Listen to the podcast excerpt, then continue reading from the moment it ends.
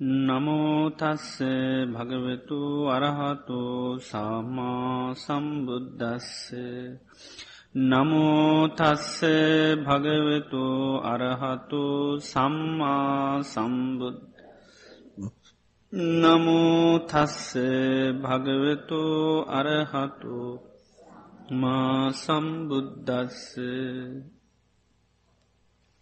බුදුරජාණන් වහන්සේ දේශනා කරා සාදු භික්කවේ කාලේන කාලං අත්ත විපත්ති පච්චවෙකිතා හෝති. සාදු භික්කවේ කාලේන කාලම් පරවිපත්ති පච්චවෙක්කිතා හෝති. සාදු භික්කවේ කාලේන කාලං අත්ත සම්පත්ති පච්චවෙක්කිතා හෝති. සාදු භික්කවේ කාලේන කාලම් පර සම්පත්ති පච්චවෙක්කිතා හෝති. මෙතනිදී බුදුරජාණන් වහන්සේ දේශනා කරනවා සාවකයන්ට නිතර සිහි කරන්න යුතු කාරණු නිතර පත්්‍යේක්ෂා කරන්න කියනවා. මොකදද සාදු භික්කවේ කාලේන කාලං අත්ත විපත්ති පච්ච වෙක්කිතාද. තමන්ට වෙච්චි විපත්ති ගැන නිතර සී කරන්න. මොකදද තමන්ට වෙච්චි විපත්ති ගැන්න සී කරන්නකි. ඊළඟට අනුන්ට වෙච්චි විපත්ති ගැනත් සේකන්ත කියන. ඊළඟට අත්ත සම්පත්ති සිහි කරන්න කියනවා පර සම්පත්ති සේ කරන්න කියනවා. එතකොට ඒවා කාලේන කාලංකන්නේ වරින්වර වරින්වර නිතරම අත්ත විපත්ති පච්චවෙකි තබ්බං කියන සිහි කරන්න කියන. දැම් බුදුරජාණන් වහන්සේ මේ පත්තේක්ෂාව ගැන කියලතියෙනවා පච්චවෙක්කනා බහූපකාර අකුසලේසු දම්මේසු. කුසල් දහම් පිළිබඳව පත්වේශා කිරීම ඉතාමත්ම උපකාරයි කියනවා. නිතරම කුසල් දහම් පිළිබඳව සාාවකයා පත්වේශා කරනවා අනං එක හරිම උපකාරයි කියල කියනවා. මේ පත්වේක්ෂාව උන්වහන්සේ දේශනා කරනවා හරියට ඒක පත්වේශාව කියන්නේ ලස්සන කැමැති කෙනෙක් තරුණයකෝ තරුණයක් කැඩපතකට ගිහිල්ල තමන්ගේ මූුණ බලනවා. මූුණ බලනොකටමකද වෙන්නේ මූුණේ තියෙන අඩුළු හුඩුකම් පේනවා. ඒ අඩුළු හුඩුකන් දැක්කහමයා කරන්නමකද ඒ තියෙන මොනවහරි අඩුවක් පහඩුවත් තියෙනවා නං පැල්ලමක් ලපයක් තියෙනවානන් දැලිදූ විලි තියෙනවානං ඒවා සෝදගන්නවා. ඒ බලන්න බලන්ඩ අඩු පාඩුකම් සෝදාගන්නවා. එහෙම නැතිනම් මොකද වෙන්නේ බොහොම සන්තෝෂයට පත්වෙනවා පරිසුද්දම් මේ මට මගේ මූුණ හරීම පිරිසුදුයි හරිම පරිපූර්ණයි කියලයා සතුටට පත්වෙනවා. එතොට කන්නාඩියෙන් බැලුවොත් තමයි හොඳද නරකද කියන එක පේන්නේ. අඩුලූඩ කන්තියනවාද නැද්ද කියල පේන්නේ අන්න කන්නාඩියෙන් බලනද.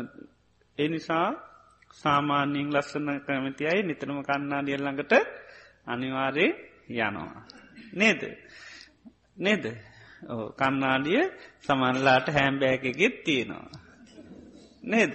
ඒක මක අත්‍යවශ්‍ය හැම්වෙලේ බලන්ඩෝඩි. බැලුව නැත්තම් පේෙන්නේ නේද යන් බස්සක යනකොට මේවාම ගෑවෙන්ඩ පුළන් නිසා ඔෆිස්ස එක ඇතුළට අන්ඩිසෙල්ලත් අපි සමට බලනවා. නේද.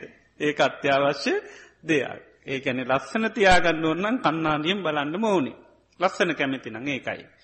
ඒක හේතු ඒකයි.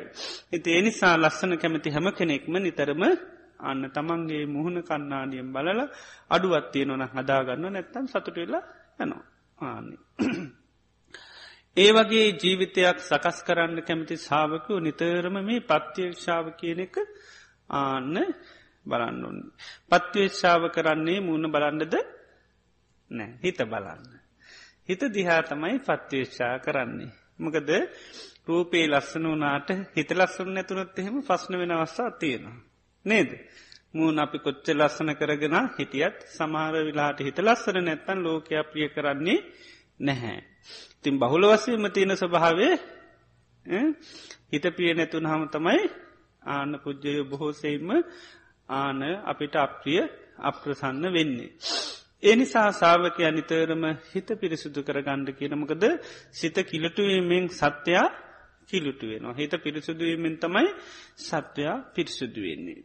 එනිසා සිත පිරිසුදු කරගන්න සිත දියුණු කරගන්න මේ හැම දේකටම උපකාරකම ධර්මයක්මකදද පත්වේක්ෂාව. ඒ හරියට අපි කන්නාඩියක් පාවිච්චි කරනා වගේ නිතර නිතර පුහුණු කළ යුතු දෙයක් පත්වේක්ෂාව කියන එක එකයි සාධු භික්කවේ කාලේන කාලං අත්ත විපත්ති පච්චවික්කිතා හෝති. එතවට මෙතනදී දේශනා කරනවා නිතර සිහි කරන්න කෙනවා අත්ත විපත්ති. මෙත නත්ත විපත්ති කියල කියන්නෙමකක්ද.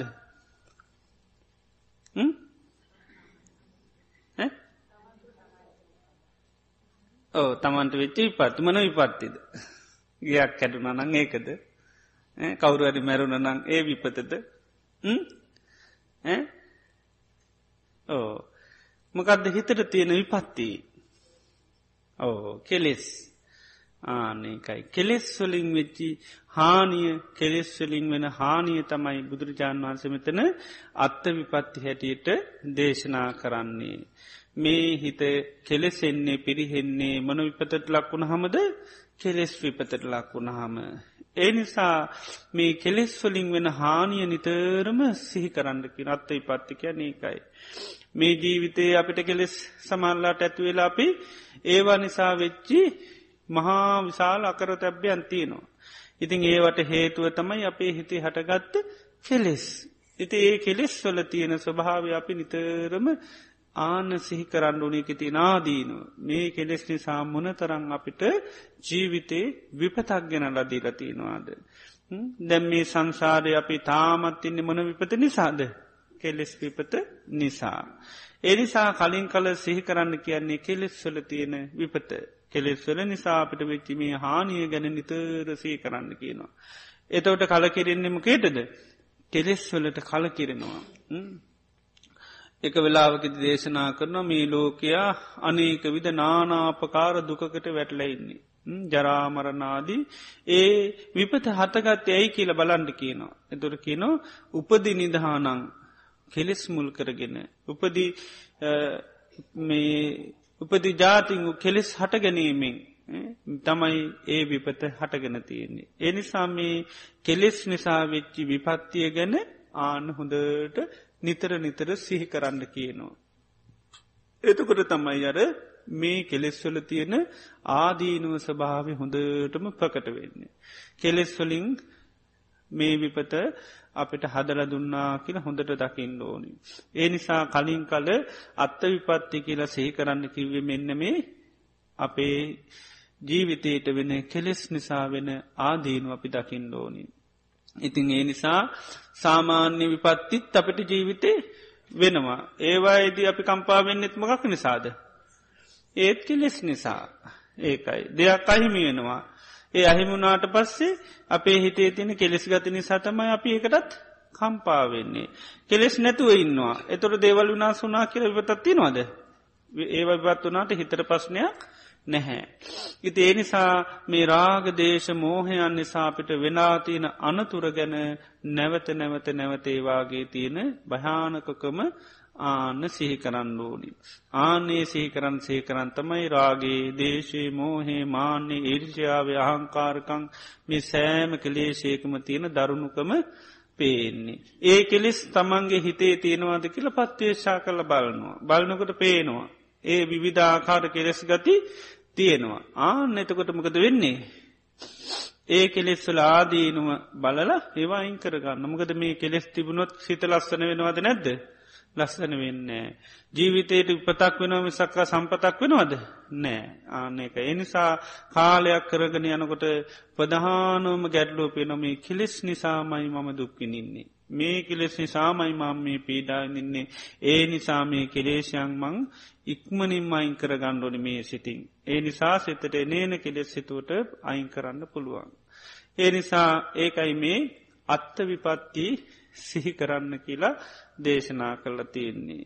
මේ දේශනය උන්වහන්සේ දේශනා කරෙත් දේවදත්ත ස්වාමීන් වහන්සේ මුල් කරගෙන. උන්වහන්සේ සංගබේද කර්මය කරලා ගියාට පසුව තමයි බුදුරජාණන් වහන්සේ දේශනා කරේ ඇයි දේවදත්ත මේ වගේ දැන් අපා යන තත්වට පත්වෙලා. උන්වහන්ස කියනවා අපායිකෝ නේරයිකෝ කප්පට්ටු අතේ කිච්චු දේවදත්ත කියන්නේ දැන් මේ අපායිකෝ කැන අපායට උරුම වෙච්චි කෙනෙක්. අතේ කිච්ච කියන්නේ පිළියන් කරන්න බෑයාට දැන්. පිළියන් කරන්න බැහැ. අතේ කිච්ච කියන්නේ එකයි ඉළඟට කප්පට්ටෝ කල්පයක් කපායි පැසෙන කෙනෙක් බවට පත් වනා ඇයි ඒ තත්වටයා ඒ විපතට ලක්වුණේ ඒතොට දේශනා කරනවා ලාභ නිසා. සක්කාර නිසා. අසක්කාර නිසා. පාපමිත්ත ඇසුර නිසා. ඊළඟට අයසකේත මේ වගේ කෙලෙස් ගති නිතා තමයි ඒ විපතටයා ලක්වුණේ දැම් මේ වෙනකොටත් දේවදත්තු ස්වාමීන් වහන්සේ දැන් නිරසතෙක් කියලා දුක්විඳනවා ඒ ඇයි තමන්ගේම හිතේ හටගත්ත කෙලෙස්වලින් තමයි ඒ විපත ලක් කරලා දුන්නේ. ඒ නිසා ඒ වෙලාවේ තමයි සාාවකයන්ට උන්වහන්සේ දේශනා කරා නිතර නිතර නිතර පත්වේච්ෂා කරල බලන්ඩ කියනවා. පත්වේශා කළ මේ කෙලෙස් වල ආදීනුව දැකළ අර සිතට එන කෙලෙස් උන්වහන්සකෙන උපන්නන් ලාබං අභිභුಯ್ය අභිභුಯ್ය විහරේශ්ාමි මම මේ හිතේ හටගන්න ලෝබය මැඩගෙන මැඩගෙන වාසය කරනු දේශය මැඩගෙන මැඩගෙන වාසය කරනවා කියලා අර කෙලෙස් වල ආදීනෝසී කරලා කෙලෙස් වලට තමන් යට වෙන්න ඇතුව කෙලෙස් පාගන ඉදිරියට යනවා කියලා අන්න හික් වෙන්න කියනවා. ඉතින් ඒකයි මේ වරින්වර වරින්වර නිතරම තමන්ගේ මනසේ හටගන්න කෙලෙස් නිසා ඒ වෙන විපත සිහි කරල මේ අපි යම් දුකත් දුන්න සජ්ජීවිතය විදිනවා නං ඒවාගේ හේතුව තමයි මේ කෙලෙස් නිසා ආනේ නිසා නිතරමෙන් ඕනි දුක්විනින්නේ කෙලෙස් නිසා. ඒ නිසා ජරාමරණ සෝක පරිදේව දුක්නොම්න්නස් විඳින්න මේ තන්නාව ආදී මේ තන්නාව පෙටිවර කරගත් සීලු කෙලෙස් නිසා. එතෝට රහතන් වහන්සේලාට එකයි සීලු කෙලේශයක් නැතිකනේද ආශවක්ෂය කියල කැන එකයි. සිලු ආශ්‍රව සිරු කෙලෙස් උන්වහන්සේලා සේ කරලා එනිසා උන්වහන්සේලා තමයි නිවී සැනසිල්ලේ ජීවත්වෙන එනිසා උන්වහන්සල කියන සීතු භූතෝස්මි නිබ්බුතෝ මම සිසිල්විලා නිවිලගිය ආනමකද කෙලෙස් දෙවිලි දාහයක් මොකුත් නැහැ. ඒ නිසා සාමාන්‍ය අපේ හිත්වල මේ කෙලෙස් ගති බොහෝම තදින්ම තියෙන එනිසා මේක අපිට තියෙන මහා විපතක් හැටියට දකිින් ඩෝනි. ඒ නිසා මේක ලැබිල අපිට ලැබිල තියෙන මොහමන විපතත්ද අත්ත විපත්තියක් ඒකයි තමාට තියෙන විපතක් මේ. ඒ නිසා ඒ කෙලෙස් වල තියෙන දරුණුකම වරින් වර වරින් වර ඉස්මතු කර කර ආන්නේ හිතේ අර රූපේ ලස්සන භාවේ නැති කරන පැල්ලං වගේ හිතේ ලස්සන භාවේ නැති කරන්නේ හිතේ සතුර සොම්නස නැති කරන්නේ සැපවිඳින්න තියෙන ජීවිතයේ දුකම උපදොල දෙන්නෙමකක්ද මේ කෙලෙස් ඒකයි. සමහරලාට අපිට ජීවිතේ ගොඩාක් සතුට විඳින්න දේවල්තියනවා. නමුත්තේ ඔක්කොම නැති කළ දාන්නමනොද. මොනෝහරි කෙලෙස් ගතියක් ඇවිල්ලතම යොක්කොම නැති වෙලදා යන්නේ. ඒකයි. සමහරයි උපදිනකොටම ගොඩා පුුණ්්‍ය සම්පත්ති ඇතුව සමහට උපදිනවා. මොනොහරි හිතුවක්කාර කෙලේශයක් කාපු ගමමකද වෙන්නේ? ඔක්කොම නැති කරලා නායි බින්දුවට වට්ටල දානවා. නේද? එහෙමේවා කොච්චරවත් වෙනවා. එතෝට එයාට ඒ විපත ලක්කල දීලතින කවුද? ආන කෙලෙස්. පෙරජීවිතෙත් එයාට හොඳ අම්මතාත්තල ගෙවල් දොරවල් යානවානත් ඇතුව උපද්දල දීලතිනවා. අන්ති ඒඔක්කම සම්පති නැති කරන්න කවුද. කෙලිස් ආනකයි කෙලෙස්තමයි ඒවොක්කොම නැති නැති කරන්නේ. එතොට ඒකයි ඒ විපතට යා ලක් කර නීට පස මුළු ජීවිතේම අන්ඩ ආණ්ඩ දුක්ගවී පසුතැවවී කම්පවා වෙවී සමහටින් නොනැහෙම නැත්තං දිවිනාහ ගන්නවා නේද. ඒ වගේ මහා විපත්තුවලට මිනිස්සු ලක් වෙනවා ඒ ඔක්කෝගම හේතුව බැලුවොත් කෙලෙස් ආනක හිතේ හටගත්ත කෙලේශයක් පෝෂණය කරලා ඒ තුළ තමයි ඒ දුක හටගෙන තියෙන්නේ. ඒ නිසා මොන විදිහේ කර්මතිබුණත් කෙලෙස් පාලනය කරගන්න පුළුවන්නම් ඒ හැමෝටම නිදහස්වීමත් තියෙනවා. මොකද බුදුරජාණන් වහන්සේ කාලෙ හිතාගණ්ඩත් බැරි කර්මිපාක විඳ විඳ හිටපු අය ධර්මය අවබෝධ කරාද නැද්ද. කරා නේද දැර ලෝසක ස්වාමීන් වහන්ස වගේ නං අපි උන්වහන්සේට පින්ඩ පාතය ගිහාම දාන නෑ. කොච්චර සද්ධාවන්තු පාසක කෙනෙක්වේ ගෙදෙට ගිය දානය හම්බියෙන්නේ. ඉති අපිට ඒවගේ එකක් වුණන අපි කොච්චර කම්පාවවී සැලිසැලි ඉන්දීද. නේද. එතර බාන එච්චර කර්ම විපාක වින්දායත් ආන තමන්ගේ හිතේ තිබුණු ඒ අයි හඳුන ගත්තා මේකේ මේ විපත මට ලක්වුණේ ඇයි. ඇයි මේ දානි හම්බෙන් නැත්තේ. ආන්න පෙර හිතේ හටගත්ත ඉරිසියාව නිසා. රහතන් වහන්සේ නමක්ගේ කෙරෙහි දායක පැහැදුනා. ඒකට හිතේ ඉරිෂාවක් ඇති වුණ. ඊට පස්සමකද කරේ? ආන්නර දුන්නු දාන ගිහිල්ල දැම්ම ගින්නකට. අන්න බලන්න ඒ විපත හදර දිල තින කවුද? ආන කෙලෙස්. කර්ම කියලා අපට තියෙන්නේ හදර දීල තින කවුද? කෙලෙස්. ආනක ඒ නිසා නිතරම සෑම විපතකදී අපිට සිහියටෙන් ඕනි. ඇයි අපි මේ විපතට ලක්වුණේ කෙලෙස් නිසා. ඒකයි. ඒ නිසා මේ කෙලෙස්තින හින්ද දැම් විඳවනවා කෙලෙස්තින හිද කරගත්තා නේද කෙලෙස්තින හින්ද තාමේවා විඳවනවා. ඒ නිසා නිකෙලෙස් සුනුදාකයි මේකින් නිදහස් වෙන්න ඕලි ඒ නිසා මම මගේ හිතේ එන මේ කෙලෙස් ඒකයි අභිභූය අභිභූය වීරිසාමි මැඩගෙන මැඩගෙන වාසය කරනවා කළ නිතර පුරුදු පුහුණු කරන්න කියනවා. ඉතිං අර වගේ කන්නාඩියෙන් බලන්න බලන්න දුරුවලතා පේනවා වගේ හිත දිහා හොඳට පත්තේක්ෂා කරල බලනකොට කොහොමද මගේ හිත කොහොමද මගේ හිත පවතින්නේ කියලා හොඳට පත්තේක්ෂා කරල බලනා මගේ හිතේ රෝබේ තියනවද දේශේ තියනවද මාන්‍ය තියනවද අහංකාරකන්තියනවද මේ කෙලෙස් ගති තියෙනවා. බලනකොට පේනවාද නැද්ද? පේනවා. බැලුවත් පේනවා. කන්නාඩියෙන් බැලුවත් මූුණ පේනවා. මූනේ තියෙන මොනවද පේන අඩු පහඩකන් පේනවා. ආන්නේ වගේ හිත දිහා බැලුවොත් පත්වයක් ශානමති කැඩපතින්මකද පේන්නේ. අඩුලුහුඩකන් පේනවා. දරුණුකම ඒ වගේ පේනවා. මේවා නිසාතමයි මේ තියෙන පීඩාව උක්කොම තේරෙනවා. ඉතින් ඒ නිසාමකද කරන්නේ එතකොට අයිංකර ගැනීමේ හැකියාව තියෙනවා. ඒ නිසා මේ සිතේ තියෙන කෙලෙස් වල තියෙන දරුණුකම නැවත නැවත විමසා බැලීම තමයි අත්ත විපත්ති සිහි කරනවා කළ කියන්නේම නැතුව මේ නැතිවෙච්චි අය ගැන සිහි කිරීමේම නෙවේ ඒනම් බුදුරජන් වහන්සේ කියලති නොත්ත ඉපත්තිසය කරන්න කියලා නේද? නැතිවෙච්චි දේවල් නේද? ගැන සීකර කර හිටියොත් දුකමි සක්කා නවබෝධයක් ඇති වෙන්න මෙතනදී කියන්නේ එක නෙවේ ආන අපේ ජීවිතයේ මේ කෙලෙස් නිසා වෙච්චි අනුතුර මේ විපත ගැන සී කරන්න ඕනි. කෙලෙස් කියන්නේ අපිට ලැබිටි මහා විපතා ඒ විපතට අපි දැන් අහු වෙලාද නැද්ද අහු වෙලා තියෙන ආනේක ගැන සී කරන්න කියනවා.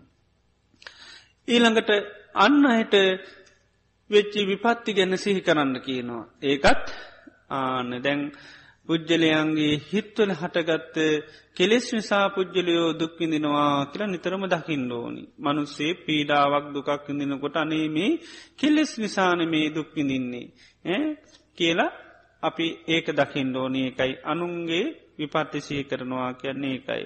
දැම් මේ වෙනකොට ලෝක අපාය මිනිසු දුක්කිදෙන ඇයි දුක්කිදින්නේ. ඒ ආනේ අයිගේ හිත්තුල හටගත්ත කෙලෙස් නිසා කෙලෙස් මුල් කරගෙන.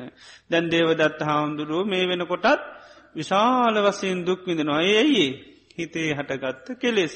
කෝකාලික බිශ්ව මේ වෙනකොටත් දුක්විඳෙනවා හිතේ හටගත්තම නොදේ කෙලෙස් කෙලෙස් නිසා අය විපතට ලක්වුණා දැම් බුදුරජාණන් වහන්සේ සම්මක වුණා. උන්වහන්ස අවවාද කරා. දැන් කෝකාලක භික්ෂුවර අර සැරියුත් මොකලන් දෙනම කෙරේ මොකද හතගත්තේ ආන වෛරයක් ඇති වුණා. වෛරයක් ඇති වෙලා ඊට පස්සේ බුදුරජාණන් වහන්සළඟට හිංකිවා භාග්‍යතුන් වහන්ස මේ සැරියුත් මුගලන් කියනේ ලාමකා සදෙන්නේ තියෙන දෙන්නේ. කියලක වැයි එහෙම කියන්න හේතුව? එයාගේ ඉන්න ආවාසයට වැඩිය සැරියුත්ම ගලන් දෙනම. ඉතිං එන්ඩ ඉස්සල්ල දැනගත්තා සැරියුත් මහරතන් වහන්සේම තමන්ගේ ආවාසටෙනවා කියලා. ඊට පස්සමික මේ අයට හොක්කෝටම කිහිල්ල කිව්වා. මොකදද? සැරියුත්ම කලන් දෙන මෙෙන ඔන්න හොඳ අවස්ථාවක්. පුළුවන්තරම පිරිකර අරුවම පූජ කරන්න කියලා. ඉතිං මිනිස්සුත් ඉතින් ඒ ඊට පස්සමකද කරේ ගොඩාක් ගෙනල්ල දේවල් පූජ කරා. ඉතින් මෙයා හිතුව දැන් රහත්නේ ඒ නිසා මේවා ඔක්කෝම තියල යාවි කියලා.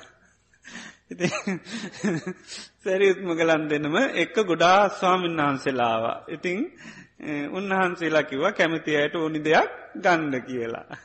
ඊට වස්ස අර ස්වාමීන් වහන්සලට ගොඩ හිටියහින්ද ගන්නකොට මොකුත් ඉතුරුණේ නෑ. ඊට පස්සේ වයිට මැද ගත්ත කාගෙක්කද හිතුව මේ කටේ රහත්තුනාට මොන රහත්කමට මේ ලැබිච්ච ඔක්කොම ඇරංගියානේ ආන රහතන් වහන්සේ රහන් තීලයන්ට පේ නේද? ඊට පස්සේ ආනර විදිහේ බොහෝම කේන්තියක් ඉරිෂාවක් එතේ ඇති වුණ වෛරයක් තරක් ඇතිවෙලා බුදුරජාණන් වහන්සේ ළඟටක් ගිහිල්ලා තමන්ගේ තේතියාගත්තෙත් නෑ. ඊට පස බුදුරන් වහන්සේටත් කියල දෙන්න ගියා. ඒ දෙන්න කවුද කියලා. නේද? ගිහිලකිවා භාගිතුන් වහන්ස මේ සාරිපුත්ත මුගලන් කැන මහා ලාමක ආශාතියන දෙන්නේ. එතුර බුදුරජන් වන්සකවා හා කෝකාලි කොහොම කියන්න එපා. සාරිපුත්‍ර මුගල්ලානිකන මහා පුරුෂෝ දෙන්නෙක් හිත පහදව ගන්න කිව්වා. එහෙම හිතන්න එපාකිව්ව එතුර කිව්වා භාගතුන් වහන්සේ කෙරේ නම්මගේ විශ්වාසය තියන නමුත් මේ දෙන්න කෙරේ නෑකිව්වා. මේ දෙන්න නම් ලාම කාසා තියෙන දෙන්නෙම්ම තමයි කියලා. තුන්මතාවක් අවවාද කරා. ආන භාරගත් නැමතර මොකද හේතුව? හිතේ හටගත්ත කෙලෙස්. දැ මාන්‍ය නිසා දැන් අතාරගණ්ඩත් බෑ. ඒක පවත්තන්න තම යාට ඕනි. දැම බුදුරජාණන් වහන්සේමයි කියන්නේ. ඒත් අතහරින්ට කැමති නෑ. ආන යාට ඕනි දැන් රිද්දන්න. භාගතුන් නාතරිකව දැන් හර කියන ඊට පස් ඉතින් කේන්තීම්ම නැගිල්ල ගියා. ඒ නිසා මොක දුන්නේ මුළු සරීරේම බිබිඩි දාලා ගෙඩියාව. ඊට පස්සේ කෙහෙල් කොල එක තමයි දාලා තිබ්බේ. ඊට පස්සේ මෙයාගේ ගුරුවරි අය වෙනකොට බ්‍රහ්මලෝක ඉපදිලා හිටිය. කොහෙද? බ්‍රහ්මලෝක ඉපදිලා හිටිය. එයාගේ නම කුදු. කියලා එයාගේ ඒ ගුරුවරයාගේ නම යා ඒ වෙනකොට බ්‍රහ්මරාජය ගුරුවරයා. ඉතින් එයා දැක්කමයාගේ වෙච්චි විපත. මෙයා මේ සැරියුත් මුගලන් දෙනම කෙරේමේ මහා දරුණු පාපී සිතිවිල්ල පවත්තන නිසා මෙයා මේ තත්වට පත් වනනේ මෙයාව බේරගණ්ඩ ඕනි කියලා ඇවිල්ල කිව්වා. මේ සාරිපුත්ත මුගලන් කියන්න මේ ලාම කාසාතියන දෙන්නෙන්නේ මහා සත්පුරුෂෝ දෙන්නෙක ඔය හිත පහදෝ ගන්නෝ කතාරෙන්ඩෝ හිතින්. එතොට ඇව ඔහෙ කවුද කියලා? මට අවවාද කරන්නේන එතර කිව්වා මේ මම කුදු පච්චේක බ්‍රහ්ම. එතොට එයත් දන්නව ගුරුවරය කොහෙද ඉන්න කියලා. එතොට කිව්වා ඔයා ගැන්න බුදුරජාණන් වහන්සේ කියලා තියෙන්නේ අනාගාමි කියලා එන්න කියලා යාව කිලෙව්වා. ලොකු වර දක්කරාකිව ඔයා. මටවාද දෙන්න ඉස්සල්ලට කවුද වරද කරලා තියෙන්නේ. අනාගාමී අයමකද කැව මේ ආවේ. අය කාම ලෝකට. කාමලෝකෙට එන්නේ නෑ. අනාගාමි කියන්නේ නෑ කියනෙකෙන ඇයි කියලා ඇව මේ ආවේ. මට අවාත් දෙන්න. එතර කවුද වරද කරලා තියෙන්නේ? ආ කිව්වම ඔයා ලොකු වරදක් කරලා තියන්නෙකිවා භාගතුන් වහන්ස කියල් තිය අනාගාමි. ඒවනට ඔයා මේ ආවිමොකද කිලැව්ව ඊට පස්සේ අරයා කිව්වා මේ මනුස්්‍යයා උපදින්නකොටම කටේ කෙටේරියක් උපදිනකො. ඒකෙන් තමම්ම විනාස කරගන්නවා කියලා ඉතින් යන්ඩ ගියා. ඉතින් අන්න අර විදිය බලන්න කෙලෙස් හිතට ආපුහාම කවුරු කිව්වත් අනුන්ගේ වැරදි බලනෝ ඇරෙන්න්න අර තමන්ගේ තියෙන දුරලතාවේ අයින් කරන්න බෑ. ඒ තරම් මේ මනුස්්‍යයාට මේ කෙලෙස් කියන්නේ මහා විපතක් ගෙනල්ල දෙන්න. එච්චර භාගතුන් වහන්සේත් වැඩ ඉද්දි බලන්න එතවට අර තමන්ගේම ගුරුවරයත් දන්නවා බ්‍රහ්ම ලෝක අත්තිපතිරන්න කියලා. නේද. එයා ඇවිල් අවවාද කරලද්දීත් තමන්ගේ වරද පිළිගන්න කැමතුනේ නෑ. ඒ තරං එතෝට බලන්න කෙලෙස් කියන්නේ මොන තරං මනුස්්‍යයාට පරිහානියක් ඇති කරලා දෙනවද. ඒ නිසා සියලූම කෙලෙස් තෝරණකොට තෝරන්න කොහොමද. අන්ද කරනා අචක්කු කරනා අඥ්ඥාන කරනා පඤ්ඥා නිරෝධිකෝ. අචක්කු කරනා කැ නැස් නැති කරනවා. අන්ද කරනා කියන්නේ කරුවලට පත් කරනවා. අඥ්ඥාන කරනා කැන ඥානය නැති කරන. විගහත පක්කිකෝ කියන්නේ දුගට දුකට වට්ටනු අනිබ්භාන සංවතනක කියන්නේ අන්න නිවන පිණිස හේතුවෙන නෑ. එතකොට බලන්න මොන තරම් විපතක් ගෙනල්ල දෙනවද කෙලෙස් තුළ. නමුත් කෙලේශයට ලක්වුණු කෙනාට ඒක තේරෙන්නේ නෑ. අන්න දැඟයාට බුදුරජාණන් වහන්සේ කිවත් එයා ගඩු පහඩු තේරුණේ නෑ. තමන්ගේ ගුරුවරය ඇවිල්ල කිවත් තේරුණේ නැහැ. ඉතින් ඒ නිසා මේ අනුන්ගේ හිත්තල මේ කෙලෙස් හටගත්තාම ඒ අයට වෙන විපත ගැන සාාවකයා නිතර නිතර සේ කරන්න ඕනි. එතකොට ඒ අය ඒ විපතට ලක්වුණේ ඒ ජීවිතේම දැම් මේ ගෙඩි ඇවිල්ල සැරව ගලද්දි.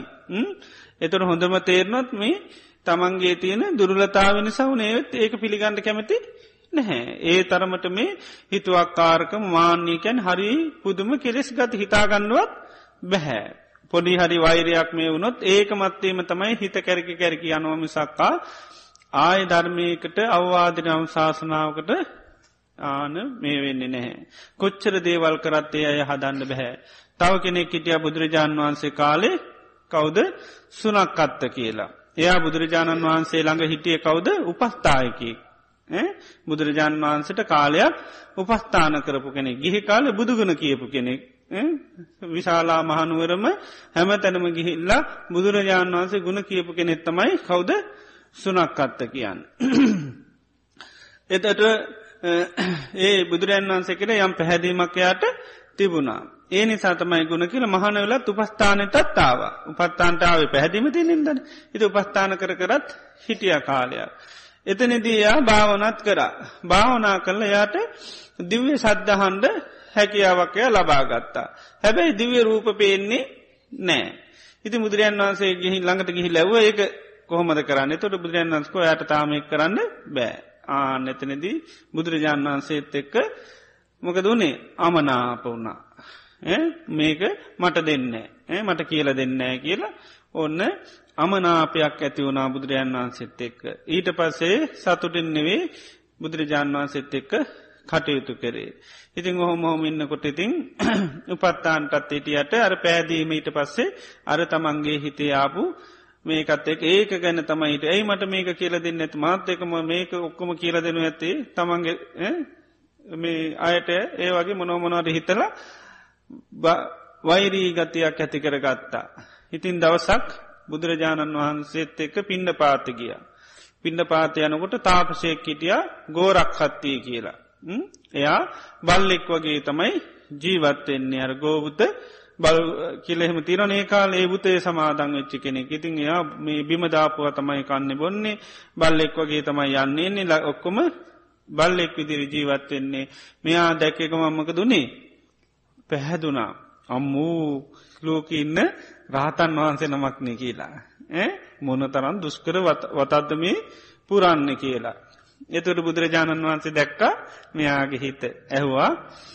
මේ කෝකාලීක ඔබත් සමන සාකි පුත්‍රය කැටියට ප්‍රතිඥා කරනවාද කියලා.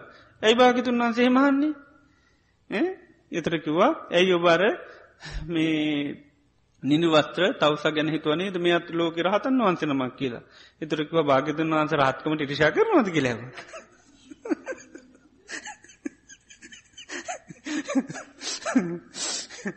එතකට භාග්‍යතුන් වහන්ස සනක්කත්ත මංකාගත් රාත්කමට ඉරිචයා කරන්නේ නමුත් ඔයා ආවල් දවසේ අහවල් රෝගෙන් අහවල් තැන උපදින්න. ඉතින් කොහොමද මංගේ අරහත් කෙනෙ හැටිට කියන්න? ඒ නිසා ඔයා ආවල් දවස අජීන රෝගයකින් බීරත් නම්භක කියන සුසානට ගිහිල්ලා දානො. ඊට පසය ගිහිල්ල කාලකංජක කියන අසුර යෝනි උපදිනවා. කියල කිව්ව. එතුර බුදුරජාණන් වහන්සේටික මේ එයා කියන භාගතුන් වහන්සේ ඔහොම කියන්න එපා අරසා කරගන්නකිව වචන වැරදුනොත්තීම. එතට බුදුරජන් වහන්සකිවා සුනක්කත්තමං වචන දෙකක් කතා කරන්නේ එක වචනය තතාගතයන් වහන්ස කිව්වොත් ඒක ඒ විදිර තමයි වෙන්නේ. එතොට මෙයාට ඕනුනා දැම් මේකමකක්ද වෙනස් කරන්න. මේ ළඟ ඉන්න අයි බලන්න කෙලෙස් සටගත්තාම වෙන දේවල්. මෙයාට ඕනුන මේක වෙනස් කරන්න. ගිහිල් අරයට කිව්වා ඔයා ගැන ඔහේ ගැන කිව්වා සැමන ගෞතුමය අජීන රෝගයක් ඇදෙන නිසන්න කයිට පංකිව. කෑවෝත් අජීර්ණය දෙන්නේ. එනිසා කිව්වා බෝම පොඩ්ඩක් කණ්ඩ වැඩි කණ්ඩයන්ඩ එපා. මොකද මෙහෙම කිව්වා දවස්සතක් ඇතුළතුව මැරෙනවා කියලා. ඉතින් අරයත් ඒ නිසාමකද කරේ නොකානොබී හිටිය. දවත් දෙකතුන යනකට හරි අමාරුණා.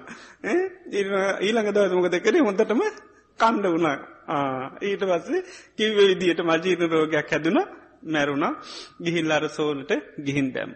දැන් මෙයාට ආරංචුන මේ මනුස්සය මැරිලා කියපු සෝනම ගිහින් තියන දැම්ම කියලා. මෙයාට දැන් ඕන්න දැඟයා බුදුරන් වසකිව ඔන්න ඔයාටම දැනගන්න පුළුවන් එයාගෙම කොහෙ දිපුදුනේ කියලා. දැම් මෙයාට වුණා ඔන්න දැන් ඒකත් ඇත්තද කියලා බලන් ගිහිල්ලම් කේන්තියෙන් ගැහුව මලමිනියට උඹ කොහෙ දිපුදුනේ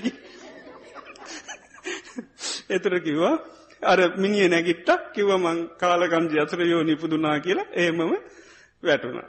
ඉතින් ඒ වගේ දැම් බුදුරජාණන් වහන්සේ කියපු ඒ දේ ඔක්කොමත් වෙලා ඒත් පැහැදුනේ නෑ. ඒ වගේ එකක් නෙවේ මහා බරගානක් බුදුරජාණන් වහන්සේයට ඉදි පාතියාරයක් පාලා ඔක්කුමත් කරලා ඒත් එයා පැහැදුන්න අන්තිමේට සිවරු වැරල හිල්ලා මේ විශාලා මහනුවර නගරේ හැම තැනම ගිහිල්ල ඊට පස දොස් කියන්න පටන්ගත්ත ඔය සම ගවත් ගෞතමයන්ට මොකක්වත් ඥාන ඇයි සිවරල්ලාව කියල එතර සිවරල්ල කියන මිනිස්වාහන මොකද සිවරර එතරක සමනවත් ගෞතමයන්ට මකුත්තු විශේෂ ඥාන දර්ශනයන් න්නේ හැබැයි තර්ක කල බණ කියන ඒ බණ පිළිපදිනයි දුක්නන්න ඇති කරගන්නවා කිව්වා. එතර බුදුරජාන් වන්ස කිව්වා මේ හිස් පුරුෂයා මට බයිනෝ කියල මගේ ගුණ කියනවා. ඒ තමයි යම් දෙයක් පුරුදු කරොත් ඒකින් දුක් නැතිවෙනවා කියනක. ඉතිං කිව මෙයා මේ දෘෂ්ටියත් නොහැරියෝ උන්වහන්සේට දෝෂාරෝපනය කරන එක ඒකාන්තෙන්යා නිරේ උපදිනුවට. එතුට බලන්නර තතාගතයන් වහන්සේ සම්මුඛ වෙලා. උපස්ථානත් කරලා. ඉද්ධි පාතිහාරියත් බලලා. කෙලෙස් නිසා බලන්න ඒවා කිසිුවකට ඉඩ දුන්නෑ. ඒ තරං හිත ඒකයි අන්ද කරන කැන කරුවල එතුර කොච්චර කරුවලක් කියලා තේරෙනවාද.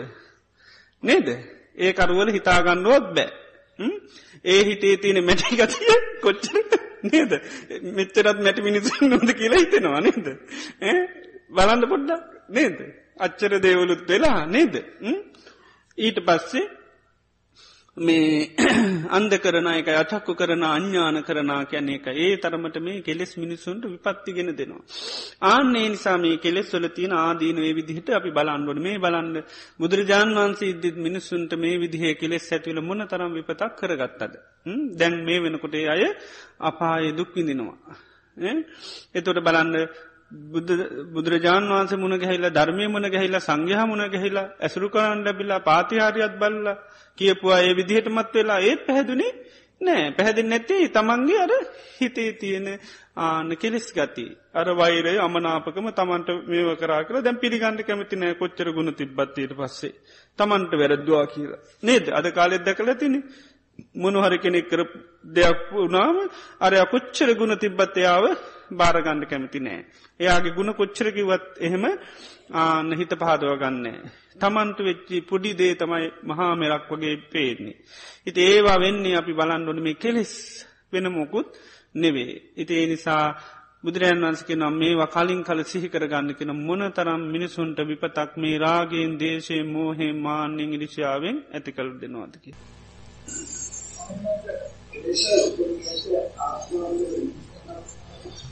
උපක්ලේසයි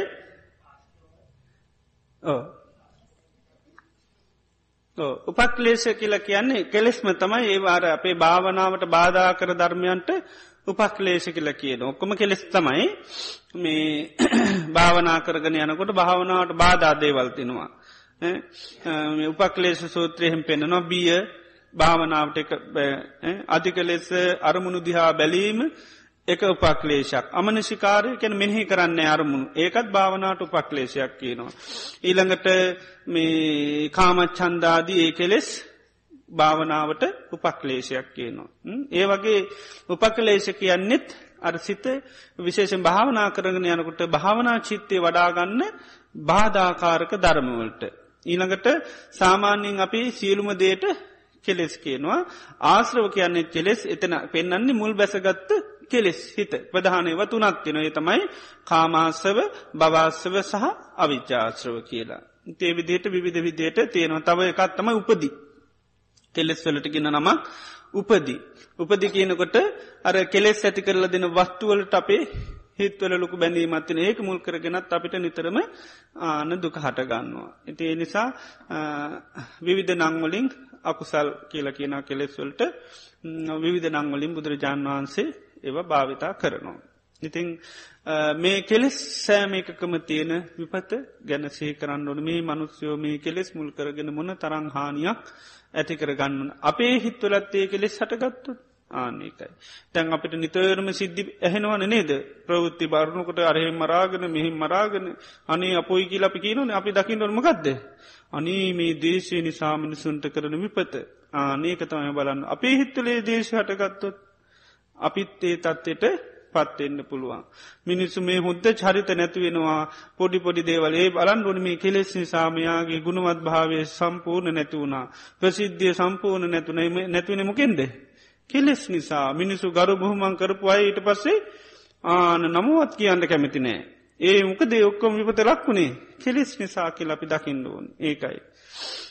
ඉතින් ඒ විදිහට අර අනුන්ට වෙච්චි විපත්ති ගැන කලින් කල සාාවකයෝ සේ කරන්නුන්. ඊළඟට අත්ත සම්පත්ති ගැනත් සිහි කරන්න කියනු. තමන්ට ලැබිල තියෙන සම්පත්ති ගැන. අපිට විශාල සම්පත්ති තියෙනවා ඒකින් ප්‍රධාන සම්පත්තිමනෝද ඕ බාහිර සම්පත්ති ගොඩ තියෙනවා ඒ ඇතර සද්ධා සම්පත්තිය සීල සම්පත්තිය සුත සම්පත්තිය චාග සම්පත්තිය පඤ්ඥා සම්පත්ති. ආනේව ගැන කලින් කල කලින් කල සේකන කල්්‍යාන මිත්‍ර සම්පත්තිය බුදුශාසන සම්පත්තිය මේ වගේ විශාල සම්පත්ති ලැබිල තියෙනවා. ඒක තියන වටිනාකම ආන් නැවත නැවත නැවතමකද කරන්නේ සිහි කරන්න කියෙන. එතකොට තමයි තව තවත් ආන්න ඒවා දියුණු කරන්න අපේ හිතේ චන්ද චිත්ත විරිය වීමන්සා සද්ධාව ඊළඟට වීදිය සති සමාධි ප්‍රඥා වැඩෙන්නේ තව තවත් චන්දය බලගත්වවෙන්නේ සතර සම්යපදම් වීරි වැඩෙන්නේ අර කුසලයන්ගේ තියෙන වටිනාකම කලින් කලසේ කරන්න ඕන්. ආන දැන් දේවතානුස්සති වගේ වසේ කරන්න ඕනි කලින් කළෙතුට අත්ත සම්පත්ති සහි කරා වෙනවා. අපි දැන් දන් දෙනවා ගොඩාක් නේද. ඒක නැවත නැවත සහි කරන්න ඕනි. ාගානුස්සතිව අන්න අත්ත සම්පත්ති සහි කරනවා. එතොට මොකද වෙන්නේ තව තවත් අන්න පරිත්‍යයාගේටම හිත නැමෙනවා. එතොට ඒව සිහි කරන වාරයක් පාසාමකද වෙන්න හිතේ තියෙන කෙලෙස් ගති නැතිවෙල යනවා. බුදුරජාන් වන්සේ දේශනා කරන දැන් චාගානුත්සතිය ගැන කියනකොට යම් සාාවකේ ටාගානුත්සති හොඳට වදනවානම් මේ මසුරු ලෝකේ මම මසරු මල දුරු කරල දන් දෙමින් දාන සංවිධානය කරමින් මන් දන්දෙන් අත්හෝදන ඉන්න කෙනෙක්. අත්හෝදනින්නවා කියනකද හිත හෝදනින්නවා කියනකයි. අතේ කිලිට තිබොත් මොනහරිල්ලන අතෝදර දෙන්න බෑකි නොන ඒ වගේ හිතේ කිලිට තිබොත්තේ මිල්ලියෝකමන් දෙන්න බෑ ඒ වගේ මෙතන කියන මමනං හිත හෝදගෙන ඉන්නේ ඒකට කියන්නේ පයත පානී කියලත් හෝදනන්නේ දන් දෙන්න. බොස්සක්ගරතු නිතරම දෙන්න අතහාරෙන්න්නම තමයි නියලී ඉන්නේ. ඉළඟ දාන සංවිභාගරතු දානයේ මේ නියලී වාසය කරන කෙනෙක්. ඊළඟට යාචයෝගෝ ඉල්ලන්ඩ සුදුස්සෙක්. ඒ නිසා තමන්ගේ ත්‍යයාග ගුණේ ගැන නිතර නිතර සිහිපත් කරගන්නවා. ඒ අනුන්ට කියනවා නෙවේ ඒක තියෙන වටිනාකම සිහිපත් කරනවා. ඒක අත්ත සම්පත්තිශය කරනවා කියන්න ඒකයි කුසලේ තියෙන මේ දැන් අපි ළඟ තියෙන කුසලයක් ඒක චහග කියන එක. හොඳ කුසලයක් අකුසලයක් නෙවේ. ආනේ කුසලතාවේ තින වටිනාකම සිහි කරනවා. ඒ සිහි කරන කරමකද වෙන්නේ. නරාග පරියුට්ටිතන් චිත්තං හෝති රාගෙන් සිත යටපත්වෙන්න න දෝස පරියුට්ටි තන්තන් දේශයෙන් හිත මැල්ලෙන්න න මෝහ පරියුට්ටිත මෝහෙන් සිත වැටින්නේ නෑ උජුගතාස් දිට්ටි හෝතිය චිත්තං යාගේ හිත මොකද වෙන්න? ඉරුජු වෙලායනවා. එතකොට යාට ඒක සිහි කරන්න කරන්න ලබති අත්ත වේදන් ලබති දම්ම වේදන් ලබති දම්මූප සංහිතම් පාමුද්ජම් මේ ත්‍යාගගුණේ ගැන සහිකරනට අර්ථය වැටහෙන්න්න වැටහෙන්ඩ ඒක වටනාකම සිහි කරන්න සේ කරන්න ලොකු පමිත භාවයක් හිතට ඇත පමති තත්ස පීති පිරීති ඇතිවෙන පීති මනස්සකායු පස් සම්බති. ප්‍රීති ඇතු නම් හිතකායි දෙක සංසිනව පස්සද්ධකායු සුකිනෝ හිතකායි දෙක සඳ හිත සුවපත්වෙන සුකිනෝ චිත්තං සමාධී ඇති. හන්න හිත සමාධ සමාහිතෝ යථභූතම් පස්සචි පජානාති. සමාහිත වනාම ලෝකයේ යථාර්ථය බලන්ඩයාට පුළුවන්. ඒ විදිහට අන්න තමන්ට ලැබිල තියෙන සම්පත්ති ගැන වරින් වර වරින් ගන සේ කරන්නුන් දැන් චාග සම්පත්ති අපට තියෙන මහා විශාල සම්පත්තියක්. ඒවා ගැන සිහිකරන් සීල සම්පත්තියතන ඒකත් භාවනාවසයෙන් වඩන්ඩුවන්. ඒව කලින් කලේකයි සාධභික්කවේ කාලඉන්න කාලං අත්ත සම්පත්ති පච්චවෙක්කිතා හෝති. තමන්ටේ ලැබිල තියෙන අන සීල සම්පත්තිය ගැන සිහි කරන්ඩෝල්. ඒ විදිහට විශාල වසයෙන් අපිට සම්පත්ති මේ ජීවිතේ තියෙනවා. ඉති ඒවාගේ තියෙන වටිනාකම සිහිකරනකට තමයි තව තවත් අපි ඒ තුළටම අපේ ජීවිතය යන්නේ. ඒ තුළටම අපේ ජීවිතේ අවතීරණ වෙන්නේ ඒ තුළින් අපිට මානසික වසින් ලොකු සහනයක් සැනසිල්ලක් තියෙනවා. සාමාන්‍යින් සම්පත්ති තියෙන මනුස්්‍ය අපි කියනවා සතුටින් ඉන්නවා කියලා නේද. අනේ කෙනකුට ගියත් තියෙනවන යානවාන තියෙනවන නේද. හොඳ රැකියාවත් නවා සල්ටිකත් තියෙනවන අප හිතනොයා ආන සතු එයාට යහපතක් සතුර හොඳ දේවල්තිනවා.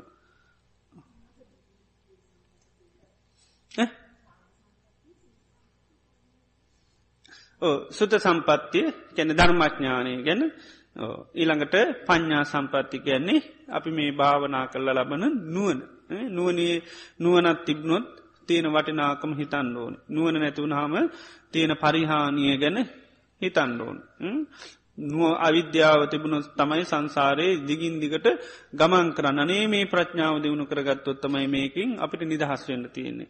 එතොට මේ ප්‍රඥාව මාතුළ තියෙනවාද නැද්ද කියල මෙමසා බලන්නුවන් ප්‍රඥාව වඩුනං අපි තවතවත් ප්‍රඥාව දියුණු කරගන්නඩුවන් සද්ධාව බලන මාළඟ බුදුරජාණන් වහන්සේ කරේ සද්ධාව තියෙනවාද නැද්ද? මේවා අන්න කලින් කල විමසම සමල මේ කන්නාඩියක්කි වේකයි සමහල්ලාට බලන්නකට නෑ. සමහලට බලන්නකට තියෙන්න්න පුළුවන්. තියෙනවනන් සතුටන නැත්තං හදාගන්න. ආන්නේකයි. ඉතිේ නිසා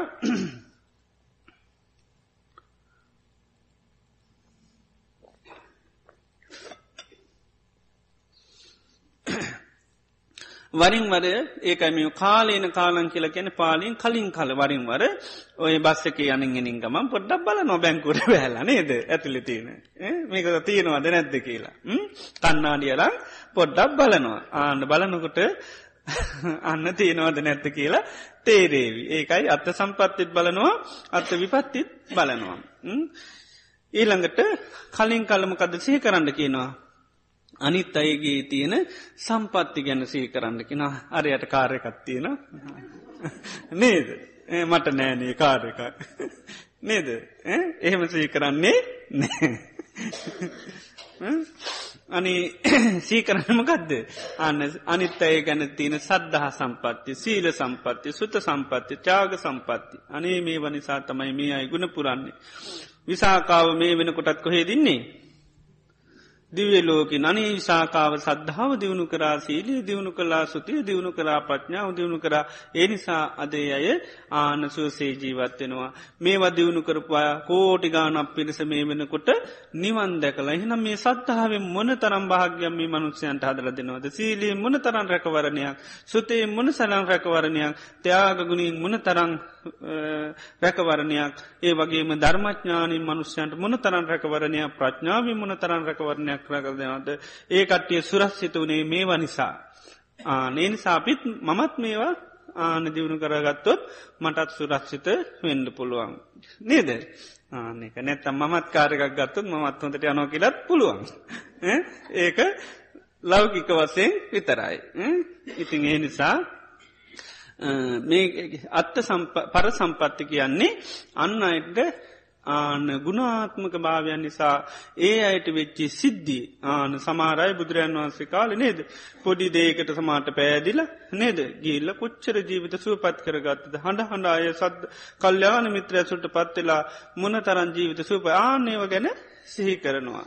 කල්්‍යාන මිත්‍ර සම්පත්තිය නිසා ඊළඟට මේ සද්ධර්මය නිසා මේ වනිසා ලැබෙච්චි බුද්ධ ශාසනය නිසා මේ සාාවකයන්ට වෙච්චි ප්‍රතිලාභ ගැන අපි සී කරනවා. එතකොට තමයි බුදු ශාසය මොන තරම් වටිනවාද භාගිතුන් වහන්සේ අපට මොන තරම් කල්්‍යාන මිත්‍රේ දෙතකට තමයි යන්න වටිනාකම ආන්න තව තවත් වෙන්නේ. එහෙම නැත්තං අපි වටිනාදේවල්ති අද අපි ඒව වටනා හැටිට දකින්න මක දේවබිය පිළිබඳව අපි ආන සිහි කරන්නේ නැති නිසා. ඒකයි මේවා කලින් කල කලින් කල කලින් කල පත්වේක්ෂා කරන්න කියනවා. පර සම්පත්ති ගැනත් සහි කරන්න කෙන බුදුරජාන් වන්සකෙන මම සමහරලාට භාගිතුන් වන්ස් කියනවා. මම සමහරලාට අතීතයේ පිළිවෙත් පුරලා කරුණය කර සාාවකයන් ගැන අනිත් සාාවකයන්ට කියනවා. ඒ කියන උන්වහන්සේක කියන්නේ ජන කුවනත්තන් ජනයා මේ විස්මේට පත් කරන්න හෝ ලාබ සත්කාර ලබන්ඩ කීර්ති ප්‍රහන්සා කරන්න මගේ සාාවකෝ මෙහෙමයි කියලා ලෝකයාට පෙන්නුම් කරන්න එහෙම කියනවා නොවේ කියනවා. මේ සාාවකයන්ගේ මේ චරිත ගැන කියනකොට අනිත් අයටත් අනේ ආනේ සඳහා හිත නැමෙන. අනේ යා සද්ධා සීල සුතතියාග ප්‍රඥා දියුණු කරල මේ තත්වට පත්න එහනම් මත්තේ සද්ධා සීල සුතතියාග ප්‍රඥාවන් දියුණු කරන්න ඕනි කියලා හිත නැමෙනවා කියෙන. එනිසා භාගතුන් වහන්සෙත් අතීතයේ මේ පිළිවෙත් පුරල්ලා අඩ මේ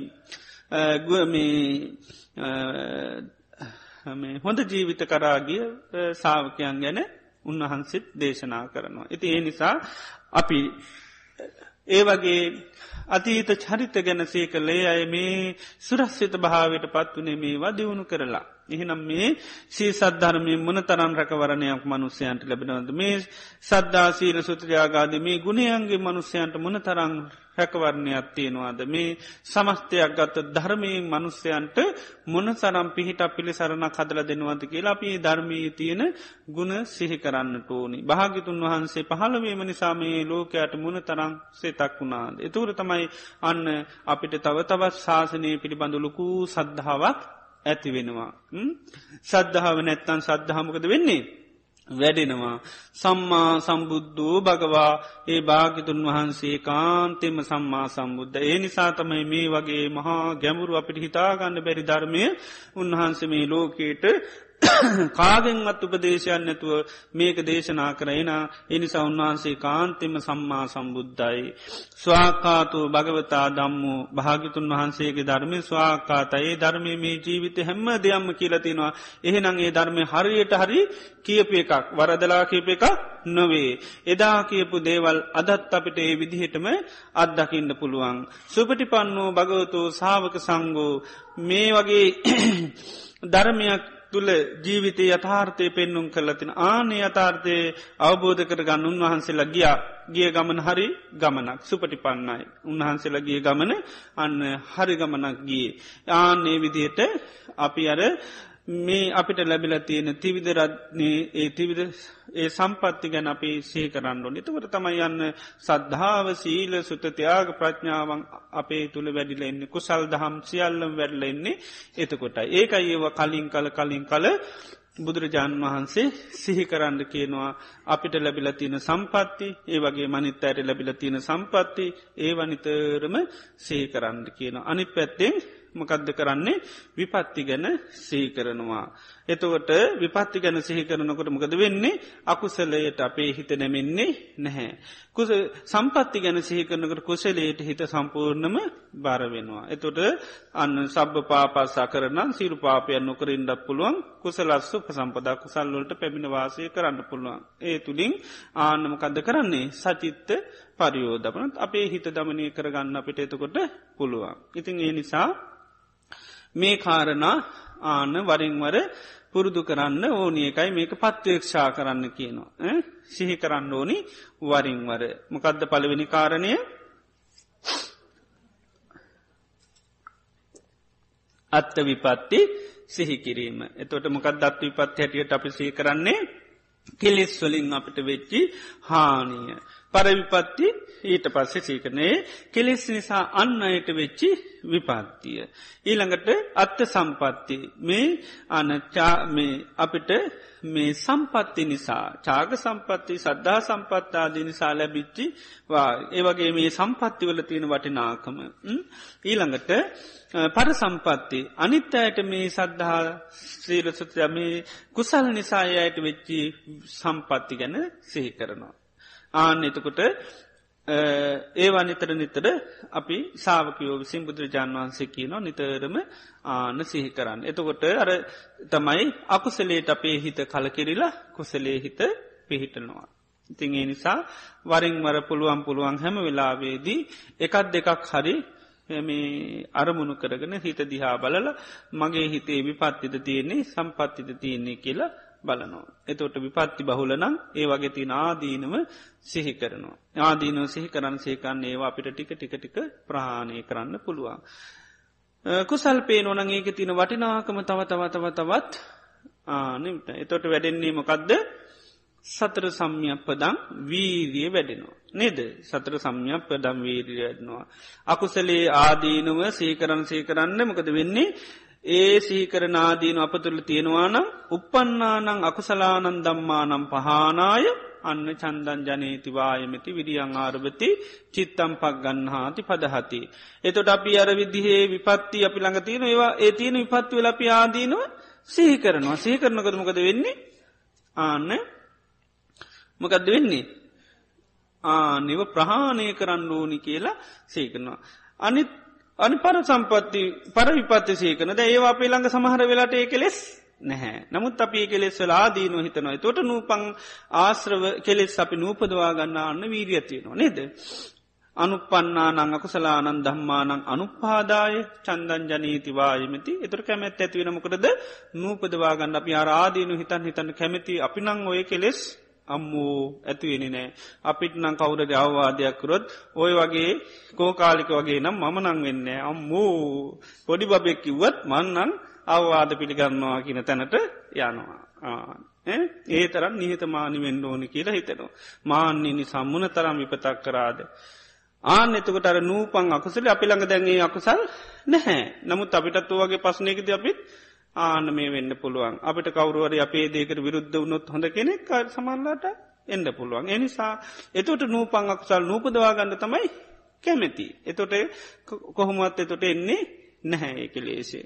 ආවත් දැන ගන්න මෙතනාන මාන් ඒනි සමම් මේ කල්ල සමාව ගණ්ඩෝන කියලා නේද. ඒ විදිී නීතමානි වෙලා අන්න අයින් වෙන්න පුළුවන්. ඒ නිසා අනුන්ගේ විපත්ති අපි සහිකරන්න සේකරන්න මොකක් ඇතිවෙන්නේ නූපං අකුසල් නූපදව ගන්නන්න අපිට වීරිය ඇති වෙනවා. ඊළඟට අපේ තියෙන සම්පත්ති ගැන සිහි කරනවා. දැන් ත්‍රද්ධාව තියෙන සීලේ තියන සුතතියාග ප්‍රඥාමේවා ලපටි වසයෙන් හට තියෙනවා. ඒක ගැන සිහි කරනවා. එතකොට මොකක්ද ඇතිවෙන්නේ අන්න උපං කුසල්ලේව දැන් තියනෙවන උපන්නානං කුසලානන් ටිති ඒව තියාගන්න අසම්මෝ අමතක නොවෙන්න බියෝ භාවය තව තවත් වැඩි දියුණුවෙන්ද භාවනාය පාරපූරයා බහුල වසයෙන් සිතේ වැඩෙන් අන්න කැමැත් ඇති වෙනවා. ඒ විදිහට අර තමන්ගේ තියෙන ගුණාත්මක භාවයන් සිහි කරනකොට. එතොට වැඩෙන්නේ අන්න අර තමන්ගේ තින සම්පත්ති ගැන සිහි කරනකොටේ උපංකුසල් මොකදද පවත්වා ගණ්ඩ වීදී ඇතියෙනවා. ඊළඟට අනුත්තයගේ දේවල් අපි හිත්සී කරනවා මිසාකාවගේ අය ගුණ දියුණු කළ සෝතා පන්න උනාසක එතකොට මොකද වෙන්නේ. අනි ඒකුසල් අපිත් ඇති කර ගණ්ඩෝනි. මම සෝතා පන්න වෙන්ඩෝන්. එතවට ඒ විදිහට වෙන්නේ අනුපන්නානං කුසලානන් දම්මා නූපං කුසල් උපදවගන්න තොට කැමැත් ඇතියෙන චන්දන් ජනීති වායමිත. තුර වෑයන් කරන කොහොද මත් සෝතා පන්න වෙන්නේ වායම් කරනවා. විරියන් ආරපති වීරිය කරන චිත්තම් පහිත හරි අමාරු තුට හිත දැඩි කරගන්නෑ කෝමට සෝතා පන්නෙනවා චිත්තම් පක පදහතේ. ඒ සඳහා යායුතු මාර්ගය තුළ නිතරම පෙවේශයනවා අන්නේ විදිහට සතර සම්යපදම් වීරියම මේ තුළ දියුණු කරගන්න පුළුවන් මේ අත්ත විපත්ති පරවිපත්ති අත්ත සම්පත්ති පර සම්පත්ති සෙහි කරනවාන ආන්නේකයි. අත්ත විපත්ති පරවිපත්ති අත්ත සම්පත්ති පර සම්පත්ති. ඔය හතර දියුණු කරොත් සතර සම්යප්පදම් වීරියම අපේ දියුණු කරගන්න පුළුවන්. ඒ තුළින් අපට විරියේන දුක්කං අච්චේති වීරිය තියෙනවා නමකද කරන්න පුළුවන් දුක නැති කරගන්න පුළුවන්. ඉතිං රෝධ ලැබුණොත් වාහනයට හොඳටම යන්න පුළුවන්. වීරිය කියන්නේ රෝධ දෙකක් වගේ කියනවා. දම්ම චක්ක කියල කියන්න. වීරිය කැන රෝධ වගේ. රෝධ තියනවන යන්න පුළුවන්. වීරිය තිබ්බොත් තමයි යන්න පුළුවන් ශාසනය ඉතිේ සතර සම්යප්පදං වීරිය කියන එක අන්න දියුණු කරගන්න පුළුවන්. අත්ත සම්පත්ති පර සම්පත්ති අත්ත විපත්ති පර විපත්ති කාලේන කාලං අන්න පච්චවික්කිතා හෝති සිහි කරනවාන. පාලියම මතකතියාගන්න සාදු භික්කවේ කාලේන කාලං අත්ත සම්පත්ති පච්චවික්කිතා හෝති. මහනන කලින් කල අත්ත විපත්ති සිහි කරනවානං ඉතාමත්ම මැනවි. සාදු කියන්නේ හරි හොඳයි. හාමුදුරු වන්නකොට සාධූ සාධු කියන්න ඒ පාලි භාෂාවේ සාධු කියන්නේ හරිම හොඳයි. එතොටගෙන සාධු භික්කවේ කාලීන කාලං අත්ත විපත් සම්පත්ති පච්ච විපත්ති පච්චයකිතාවත් මහනන ඉතාමත්ම හොඳයි කලින් කල අත්ත විපත්ති සිහි කරනවාන. සාධ භික්කවේ කාලේන කාලම් පරවිපත්ති පච්චයකිතා මානනේ ඉතාමත්ම හොඳයි කලින් කල පරවිපත්ති සිහි කරනවාන. සාධ භික්කවේ සාධභික්වේ කාලේන කාලං අත්ත සම්පත්ති පච්චවකි තහොත් මානන බොහෝම හොඳයි. කලින් කළමකක්ද අත්ත සම්පත්ති සහි කරනවා නම්. සාධභික්කවේ සාධභික්කවේ කාලේන කාලම් පර සම්පත්ති පච්චක මහනි තාමත්ම හොඳයි. කලින් කල අනුන්ගේ සම්පත්ති සී කරනවාන. ඒ විදියට හොඳට මතකතියාන දැම් මේ මෙතනිදලාම පත්වේශා කරන්න. තමන්ගේ විපත්ති ගැන සීකිරීමත් හරි හොඳයි කියන භාග්‍යතුන් වහන්සේ. ඊළඟට අනුන්ගේ විපත්ති ගැන සීකිරීමත් හරි හොඳයි කියන භාගිතුන් වහන්සේ. තමන්ගේ සම්පාත්‍ය සීකිරීමත් හරිම හොඳයි කියන භාගිතුන් වහන්සේ. ඊළඟට අනුන්ගේ සම්පත්ති ගැන සීකිරීමත් හරිම හොඳයි කියන භාගිතුන් වහන්සේ. නිසාමං හැමදාම සීකරනවා කියලා දැන් සීකරන්න. එනම් හැම දෙනාටම මේ අත්ත සම්පත්ති පරසම්පත්ති අත්ලිපත්ති පරවිපත්ති සීකරන්න සිහිය පීටාවා කියලා ආශිර්වාදක. හොඳයි. හොඳයි උදෑසන පටන් මේ මොහොත දක්වා අපි සෑම දෙනාම අද දිනේදීත් ඉතාමත්ම සද්ධාවෙන් ගෞරයෙන් බත්තියෙන් යුතුව තතාගතයන් වහන්සේ දේශනා කරපු ඒ ආර්යමාර්ගයේ අපි සම්මාධිට්ටි සම්මා සංකප්ප සම්මාවාචාදීමේ මාර්ගංග වැඩෙන විදිහට අද දිනේදිත් අපි මේ සිල් සමාදං වෙලා භාවනා කරමින් ධර්මසාකච්ඡා කරමින් ධර්මශ්වනය කිරීම තුළින් මේ සත්‍යත් බෝධි පාශික ධර්මයන් දියුණු වෙන විදිහට අද දිනේදී අපි කටයුතු කරා. ඒ තුළින් අපේ චිත්ත සන්තාන තුළ දානමය වසයෙන් සීලමේ වසෙන් භාවනාමය වසෙන් මහා වටිනා පුුණ්‍ය සත්‍යයක් අත්පත් වනා ඒ මේ රැස් කරගත්තා උදාරතර පුුණ්‍ය ධර්මයන් සියලු මේ සඳහා අවාධනු ශාසනා දුන්නු. අපේ ගෞරෝණීය නායක ස්වාමීන් වහන්සේ ඇතුළු මහා සංගරත්නයට මේ උතුම් පුුණ්‍ය ධර්මයන් අපි අනුමෝදං කරමු. උත්තම පුුණ්‍ය ධර්මයන්ගේ ආ අනන්තානු භාබලින් උන්වහන්සේලා නිදුක් වේවා නිරෝගි වේවා සුවපත්වේවා සතවර්ෂාදී කාලයක් දීර්ගාශ සම්පත් ලැබීවා කියලා සිර්වාදක. ඒවගේම මේ සඳහා වෙහෙස මහන්සි වෙලා ඉතාමත්ම ඕනකම මේ සංවිධානය කටයුතු කරන ඒ පින්වත් සෑම දෙනාටමත් දානමානාදීන් අපිට ඇප පස්ථාන කරපු පින්වත් දායක සැම දෙනාටමත් මේ පින් බලයෙන් ඒ සැම දෙනාමත් නිදුක් වේවා නිරෝගි වේවා සුවපත් වේවා සිතක් වේවා සාන්තියක් වේවා යහපතක් වේවා. එය කරගෙන යන රැකී රත්සා වෙලහෙනදාන් දරුවන්ගේ අධ්‍යාපන කටයුතු සාර්ථ කරගන්න මේ පින් උපකාර වේවා. ඒ සැමදනාටම මේ උතුම් පුුණ්‍ය ධර්මයානු භා බලයෙන් මේ ජීවිතයේදීම එයට චතුරාර් සත්‍ය ධර්මය අවබෝධ වේවා කිලපි ආසිර්වාද කරමු. මේ උත්තම පුුණ්‍ය ධර්මයන් අතීත සංසාරයේ පටන් අදදසක්කා අපි නමින් මිය පරලෝගිය සිරු ඥාතීන්ට පින් අනුමෝදං කරමු. පින් කැමති ඥාතීන් සියතින් කරගත් පිනක් හා සමානව සාදු කියල මේ පින් අනුමෝදං වේවා. මේ පින් අනුමෝදංවීමෙන් අපේ සිරු ඥාතීන් සුවපත් භාවට පත්වේවා ලැබවා වූ ජීවිතය ආවශයෙන් වර්ණීන් සැපයෙන් බලයෙන් ප්‍රඥාවෙන් සමුද්ධිමත් ජීවිතයක් ලබත්වා කියල ඥාතීන්ට පින් අනුමෝදං කරමු. එවගේම මේ රැස් කරගත්තා වූ උදාරතර පුුණ්‍ය ධර්මයන් සිලු දෙවියන්ට සිරු ලෝකවාසී සත්වයන්ට මේ පින් අනුමෝදං කරමු සිලු සත්‍යයෝ සිරු දෙවියෝ මේ පින් අනුමෝදංවයි අයගේ ජීවිත සුවපත් කර ගනිත්වා කියල පින් අනුමෝදං කරමු.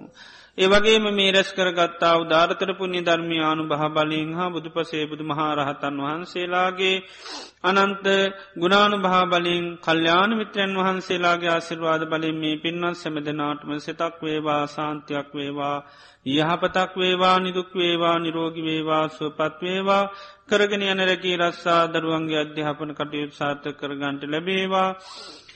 රජුන්ගෙන් සොරුන්ගෙන් ගින්නෙන් ජලියෙන් වස විසාජයකින් කිසිමන්ත්‍රාවක් නොමේවා කායික මානසික සැන සිල්ල උදාපත් වේවා තවතවත් සම්බුද්ධ ශාසනය තුළ මෙවැනි දානාදීපින් කන්සීලාදී ගුණ ධර්ම සමති පශනා භාවනාවන් දියුණු කරගෙන මේ ජීවිතයේම චතුරාර් සත්‍ය ධර්මයන් අවබෝධ කරගන්ට සැම දෙනාටම පහසු විවරණ සැලසේවා.